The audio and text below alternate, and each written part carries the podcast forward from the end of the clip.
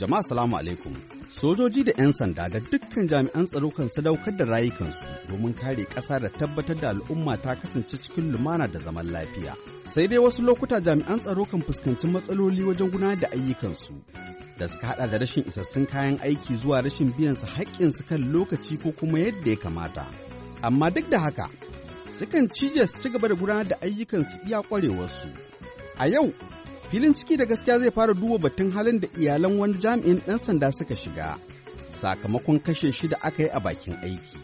Filin ciki da gaskiya ya zanta da malama Hauwa musa muhammad wacce 'yan boko haram suka kashe mijinta a hari akan ofishin 'yan sanda a garin fataskum a jihar yobe a shekarar 2012 mai gidan Hauwa wato dpo musa muhammad jami'in 'yan sanda ne na yanki a fataskum wanda ya rasa ransa yana bakin aiki sakamakon hari na 'yan boko haram.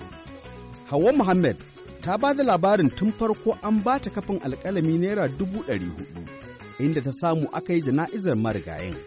Bayan shekaru shida, har yanzu Hauwa ta ce sun kasa samun haƙƙin marigayen daga rundunar 'yan sandan da hakan ke jefa ta da yara cikin mawuyacin rayuwa.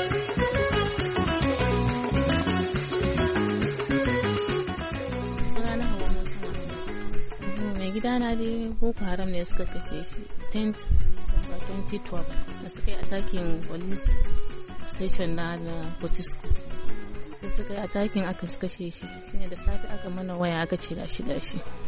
To from there sai aka ce lokacin aka zanna tundamatu ana su jana'iza su menene sukan yi attacking garin. So uwarsa kuma tana da maturu.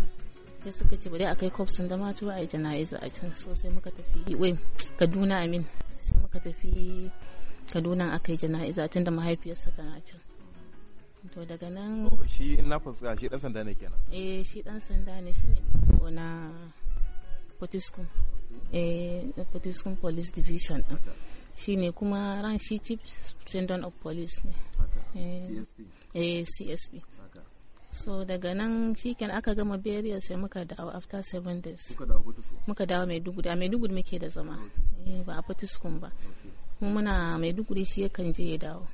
To daga nan shikenan bayan sai aka ce mu fara processing abubuwan na benefit nashi amma a 2013 june and ko between june and july da suka kira ni zo nan yobe state a cikin damatirin kai. To da na je sai suka bani check a yobe state a wani wuri kenan? A police headquarters. Sai suka bani check na 400,000 so ni dai ban tambaya ko nan bai ba muka karɓa muka da mun je da yara babba. Dan suka ce je da shi. Sai na je na karɓa na da shi shekaran su ne ba yanzu yana neman 17 eh yana neman sa yana SS3 yanzu. To daga nan muka dawo sai suka ce na je police headquarters maiduguri don daga wurin ne aka kai shi yobe state din sai suka ce suka gaya min duk abubuwan da za a yi in je trust fund insurance. Na je suka bani papers na ciccika gaba ɗaya to na cika su ce na ce yaushe zai fita suka ce sai dai rinka contacting nasu ko ta waya ko rinka zuwa. To na kan je in dawo in yi waya su ce har yanzu haka dai har na zo na haƙura. Tunda ba wani abin kirki kawai sai na haƙura nema. amma daga lokacin da 'yan boko haram suka halaka mai gidanki a fortiskum lokacin da yake aikin dan sanda har zuwa lokacin da kuka je fund aka baku wannan fam kuka cika su hukumin 'yan sanda na najeriya ko na yobe din misali bayan wannan sun tuntube ku ba su tuntube mu ba su dai da aka gama biyariya shikenan muka rabu da su. Ko irin a zo irin gaisuwa ko a rubuta condolence letter a ce a muna muku ta'aziyya babu. Shi dai ya mutu shikenan. A bakin aiki ya mutu. Shikenan ba wani condolence letter a ce a gashi muna muku ta'aziyya a turo musamman delicate a ce gashi gashi duk babu. Kenan ya mutu kenan an rabu da su. Yayi kaman shekara nawa ne yana aikin dan sanda? Ya soma tun 1996 shekara ta dubu ɗaya da ɗari tara da 1990 ko 1986 1986 ko 1996 1996 so ma aiki. A shi ya daɗe yana aiki. Kuma daga lokacin da haka ɗin ya faru misali kafin kafin rasuwansa ya taɓa harsashen wani abu zai faru kamar haka? Inda a lokacin ai yana aiki a yobe ne. Kuma kin san lokacin yan boko haram suna suna tsananta kai har-hare da sauransu. Bai tauta naka zai faru da shi ba? A'a bai taba ba. Shi dai lokacin da da shi ma muna maiduguri akan yi ataki na maiduguri ma sosai fiye da na can. Da suka soma can dai wani lokaci mukan ji tsoro ce kar ya zo maiduguri. Dan dai ga yanda yake kuma an san ya taɓa zama osi crack ya zama very popular a garin.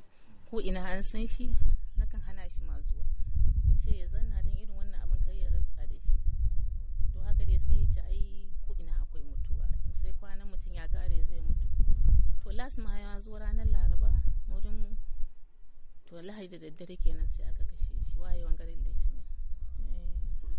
Kuno ne matarsa? Ni ɗaya ce. Yana da yara? Eh ina da yaya huɗu uku maza karama mace ce shekaran ta takwas yanzu. Ina neman sha bakwai. Karama tana da takwas. To daga lokacin da wannan abu ya faru zuwa yanzu duk da cewar shi yaro su ne a bakin aiki. Um, kuma gashi ya bar ku da yara da sauransu hakan nan. Ya rayuwa yake bayan rasuwan mai gida? Rayuwa is not easy. Don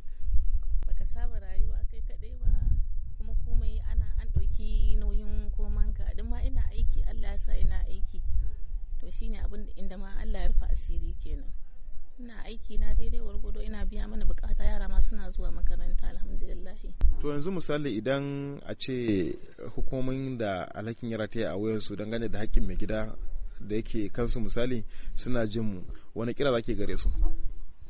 Ina kira da su taimaka. Irin wannan abu mutum ya mutu a bakin aiki ai ya bar iyali a baya kuma ga yara. Ya kamata sai irin wannan a gaggauta a biya hakkinsu yanzu da ba na aiki wani hali zan shiga kenan. Kaga shine yakan sa wasu mata masu fada wani hali yau da gobe yara masu shiga wani hali makarantarsu ma ya zama dai ga yanda ya riƙe koma baya. To ina roƙon su ga Allah mutum da ya mutu a bakin aiki ai ƙoƙari a biya haƙƙinsu don iyalan su ci gaba da rayuwa.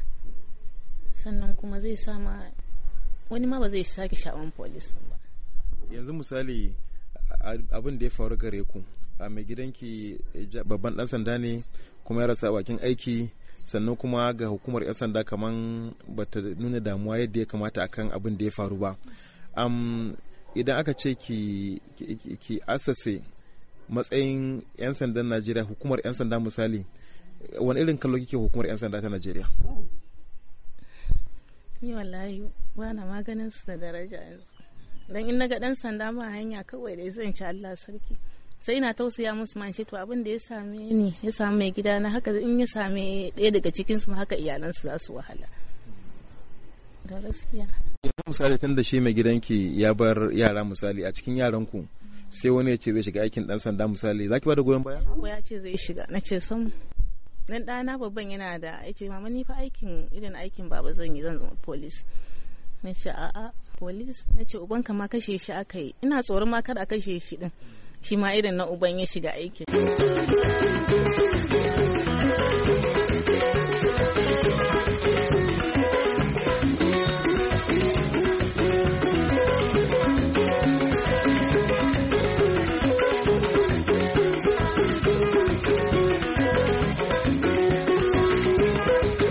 Lokacin da muka zanta da Hauwa Muhammad tsohon babban sufentan 'yan sandan Najeriya Ibrahim Idris bai ritaya ba.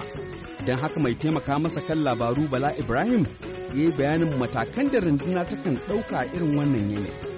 Kuma idan Allah ya kai mako mai zuwa za mu kawo muku hirar da muka yi da tsohon mukaddashin sufeto janar na 'yan sandan Najeriya.